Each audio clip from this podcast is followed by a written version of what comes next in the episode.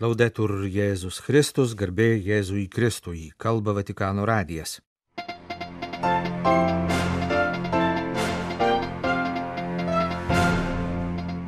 Švenčiausiosios mergelės Marijos nekaltojo prasidėjimo iškilmė Romoje. Penktadienio vidudienį popiežius vadovavo Šventadienio viešpatės angelo maldai, Po pietų aplankė didžiąją švenčiausiosios mergelės Marijos baziliką ir Dievo motinai romiečių globėjai padovanojo aukso rožę. Po to vadovavo tradiciniai maldos valandėliai prie švenčiausiosios mergelės Marijos statulos Romos senamieščio Ispanijos aikštėje. Popiežius pasiunti laišką į Siciliją Sirakūzų Ašarų Madonos jubilėjaus proga. Popiežiaus valstybės sekretorius kardinolas Pietro Parolinas lankosi Senegale. Fatimoje vyko šeimų susitikimas besirengiant šventiesiems 2025 metams.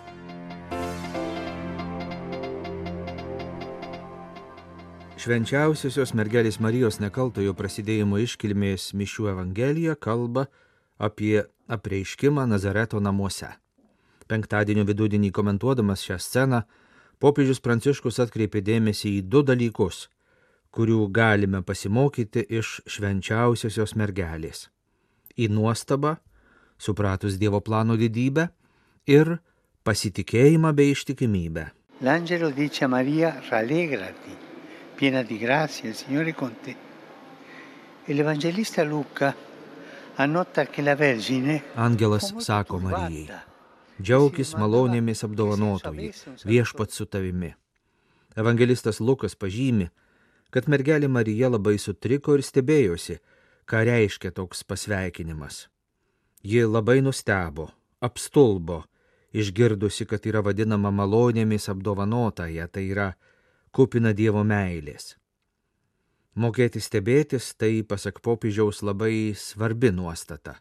Mokėti stebėtis Dievo dovanomis, niekada nepriimti jų kaip savaime suprantamo dalyko, vertinti jas, džiaugtis, Taip pat svarbu liudyti šią nuostabą kitų akivaizdoje, nuolankiai kalbant apie Dievo dovanas.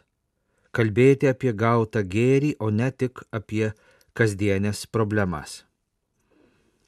Kitas svarbus dalykas, kurio šiandien mus moko mergelė Marija, tai pasitikėjimas ir ištikimybė paprastuose dalykuose. Apreiškimo scenoje mes matome Mariją kaip paprastą mergaitę, tokią kaip ir daugelis kitų gyvenusių niekada anksčiau Biblijoje neminėtame kaime Nazarete.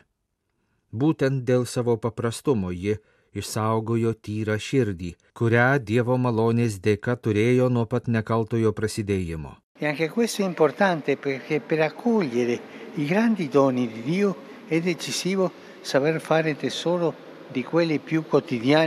Tai, pasak Pranciškaus, labai svarbu nes norint priimti didžiasias Dievo dovanas reikia mokėti branginti ir tas, kurios yra mažiau pastebimos, kasdienės. Būtent per kasdienę ištikimybę gėriui mergelė Marija leido Dievo dovanoms aukti joje. Taip jis savyje ugdė sugebėjimą visų gyvenimų tarti taip viešpačiui. Popiežius prašė melstį nekaltai pradėtąją Mariją, kad padėtų mums žavėtis Dievo dovanomis ir kasdien į jas atsiliepti ištikimų dosnumu.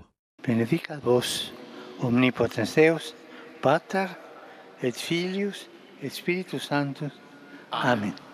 Po viešpatės angelo maldos popiežius pasveikino šią progą iš Šventojo Petro aikštę atvykusius tikinčiuosius. Paminėjo didesnės grupės iš Italijos. Pranciškus taip pat pasveikino Kanados Kvebeko arkiviskupijos tikinčiuosius, kurie švenčia arkiviskupijos seniausios Kanadoje įkūrimo 350-asias metinės. Penktadienio vidudienio maldos susitikimo pabaigoje popiežius taip pat paminėjo jo dar laukusius šventinius įvykius penktadienio pavakarę - apsilankymą Romos didžiojoje švenčiausiosios mergelės Marijos bazilikoje ir prie nekaltai pradėtosios garbiai pastatyto paminklo Romos senamieščio Ispanijos aikštėje.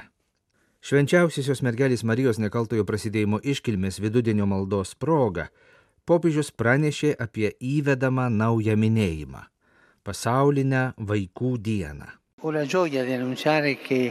Il 25-26 maggio del prossimo anno celebreremo a Roma la prima giornata mondiale dei bambini. Džiaugiuosi galėdamas pranešti, kad kitų metų gegužės 25-26 dienomis Romoje švesime pirmąją pasaulinę vaikų dieną.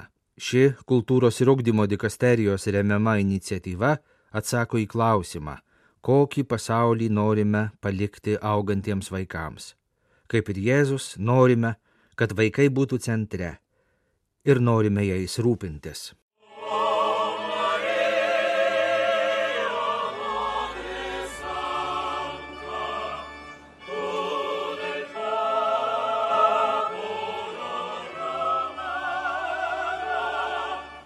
Penktadienio gruodžio 8 popietę popiežius Pranciškus aplankė didžiąją švenčiausiosios mergelės Marijos baziliką ir prie romiečių globėjos Salius Populi Romani ikonos padėjo šiai seniausiai Dievo motinos šventoviai dovanojama aukso rožę.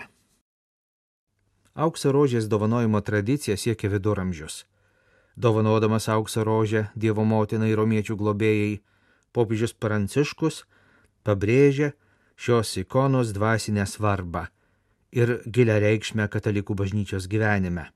Arkivyskupas Rolandas Makrickas, švenčiausiosios mergelės Marijos didžiosios bazilikos ypatingasis komisaras, išreiškė džiaugsmą dėl popiežiaus sprendimo.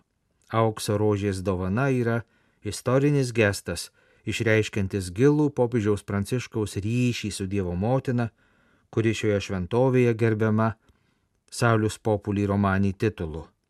Dievo tautos dvasinis ir pamaldumo ryšys su švenčiausiaja mergelė Marija bus dar labiau sustiprintas. Meldžiame Mariją, romiečių globėją, taikos dovanos visam pasauliui, sakė arkivyskupas Rolandas Makrickas.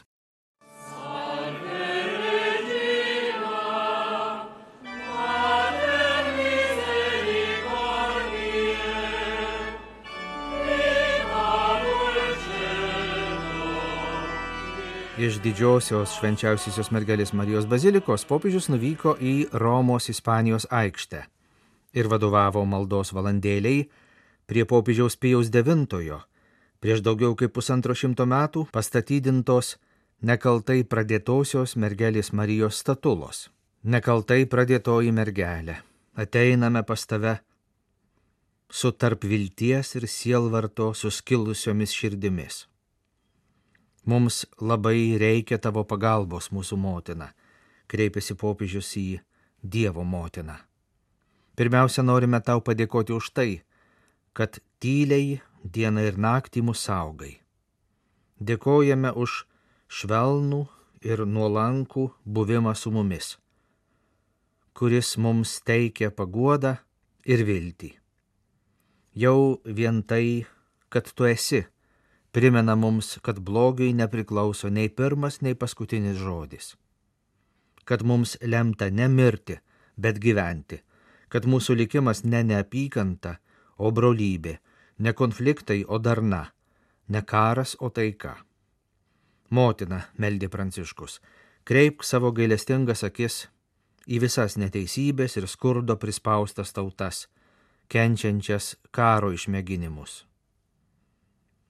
Pažvelk į kenčiančius Ukrainos žmonės, į smurto kamuojamus Palestinos ir Izraelio gyventojus.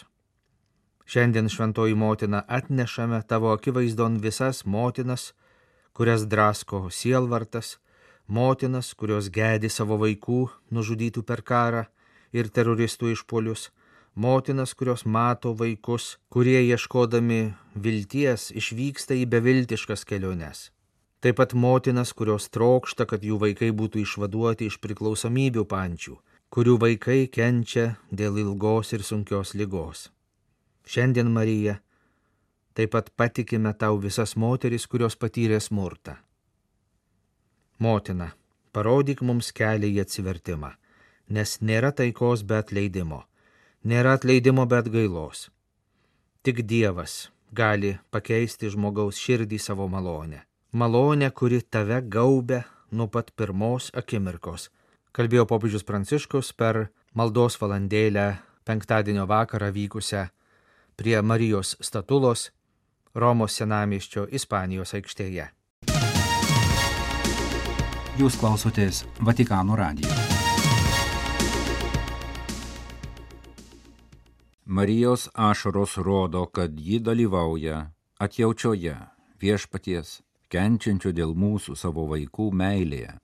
Viešpaties, kuris karštai trokšta mūsų atsivertimo ir kaip gailestingasis tėvas, laukia mūsų, kad mums viską ir visuomet atleistų pažymėjo laiškė Sirakūzų arkivyskupui Pranciškus, Romos vyskupas ir bažnyčios Italijoje primas. Pranciškus laišką arkivyskupui Francesco Lomanto pasiuntė Sirakūzų Madonos ašarojimo 70-ųjų metinių progą. Ašaros iš Marijos paveikslo tekėjo 1953 m. vasarą. Žmogaus ašaros saugomos Sirakūzų Madonos šventovėje išsiveržė iš sutuoktinių miegamajame iš virš lovos kabėjusio švenčiausiosios mergelės Marijos nekaltojo prasidėjimo atvaizdo. Popiežius paminėjo dvi stebuklingo įvykio aplinkybės. Jis įvyko antrojo pasaulinio karo pokario kontekste ir antra - kukliame būste, kuriame gyveno pirmgimio vaiko laukusi jauna šeima. Pastarąją aplinkybę popiežius pavadino pranašišką, skatinančią ne tik prisiminti nepaprastą namų žydinio grožį, meilės ir gyvybės žydinį, bet ir remti santuoką pagrįstą šeimą, iškeliant jos kaip visuomenės ir bažnyčios pamatinės lastelės vertę. Pasak popiežiaus, motinos ašaros toliau liejasi, kai diskriminuojami silpniausieji, plinta smurtas ir karai, pralaimėjimai pareikalaujantys nekaltų aukų. Pranciškus ragino gyvenimo ir istorijos išmėginimų, ypač nerima keliančių nūdienos karų akivaizdoje, nepaliaujamai melstį Marijos taikos karalienės ir nuliūdusiųjų paguodos užtarimo. Jos motiniška meilė te paskatina tikinčiuosius kurti taikos ir atleidimo kelius ir jais eiti su meile padėti kūno ir sielos ligonėms, vienišiems ir apleistiems. Te paguodžia žinojimas, kad Dievo motina, kurios šaukėmės ašarų Madonos vardu, gausiai skleidžia malonės tiems, kurie jos šaukėsi. Šeštadienį gruodžio 9 dieną popiežiaus valstybės sekretorius Senegale konsekruos švenčiausiai mergeliai Marijai dedikuota nacionalinė piligriminė šventovė išvadavimo Dievo motinos bazilika. Kardinolas Pietro Parolinas gruodžio 70 dienomis lankosi Senegale, Pagrindinis kelionės tikslas - pašventinti išvadavimo Dievo motinos baziliką Popengin Endajan miestelyje prie Atlanto vandenino kranto maždaug 70 km į pietus nuo Senegalo sostinės Dakaro.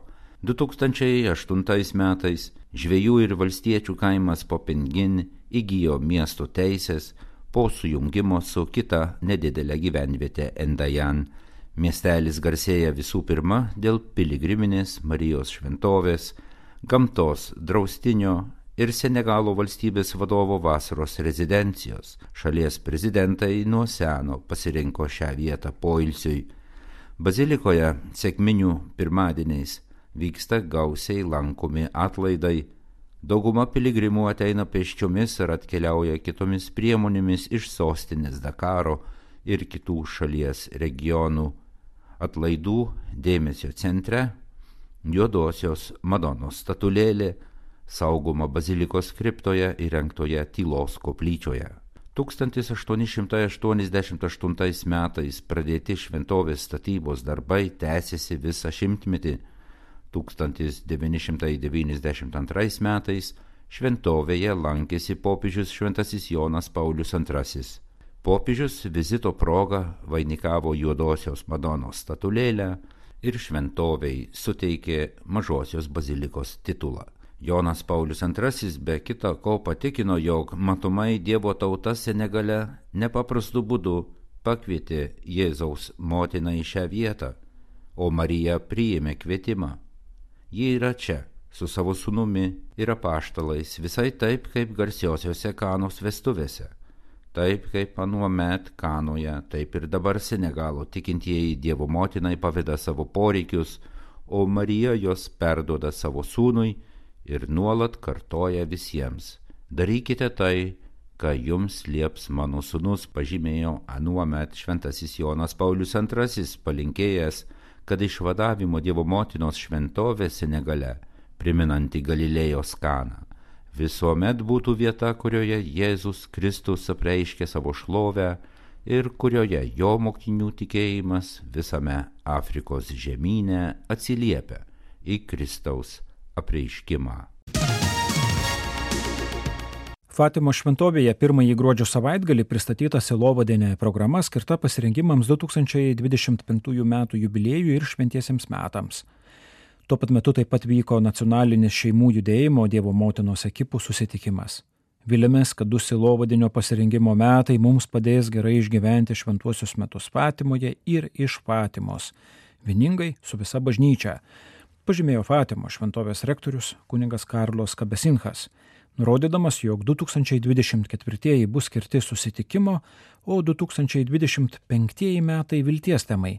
Šios temos natūraliai dera su tarptautinės Fatimo šventovės, kasdien priimančios piligrimus ieškančius susitikimo bei vilties pagrindo gyvenimo.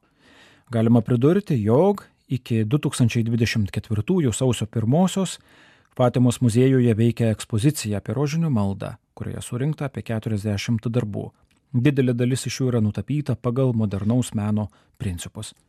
Portugalijos žinių agentūra Eklezija praneša, kad pirmąjį advento savaitgalį Fatimoje susitiko apie 1400 šeimų judėjimo ekip Notre Dame narių iš Portugalijos.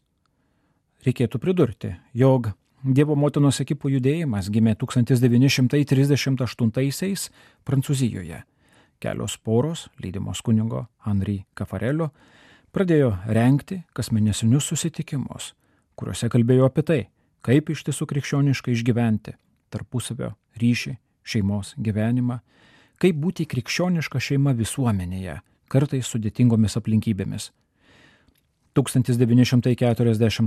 1948 m. gruodžio 8 d. šis judėjimas gimęs iš apačios, iš konkrečių krikščioniškų porų poreikių bei klausimų buvo įregistruotas bažnyčioje.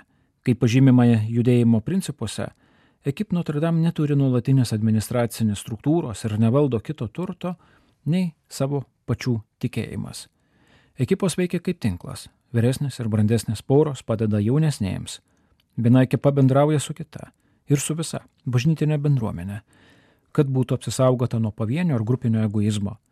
Dalyvavimas ekipose yra spontaniškas ir remiasi pačių porų truškimu aukti žmogiškai bei krikščioniškai. Niekas nespaudžiamas prisidėti niekas neverčiamas likti. Galima pridurti, jog 2024 m. Liepos mėnesį turinė įvyks 13 judėjimo tarptautinis susitikimas, o ekipų yra ir Lietuvoje.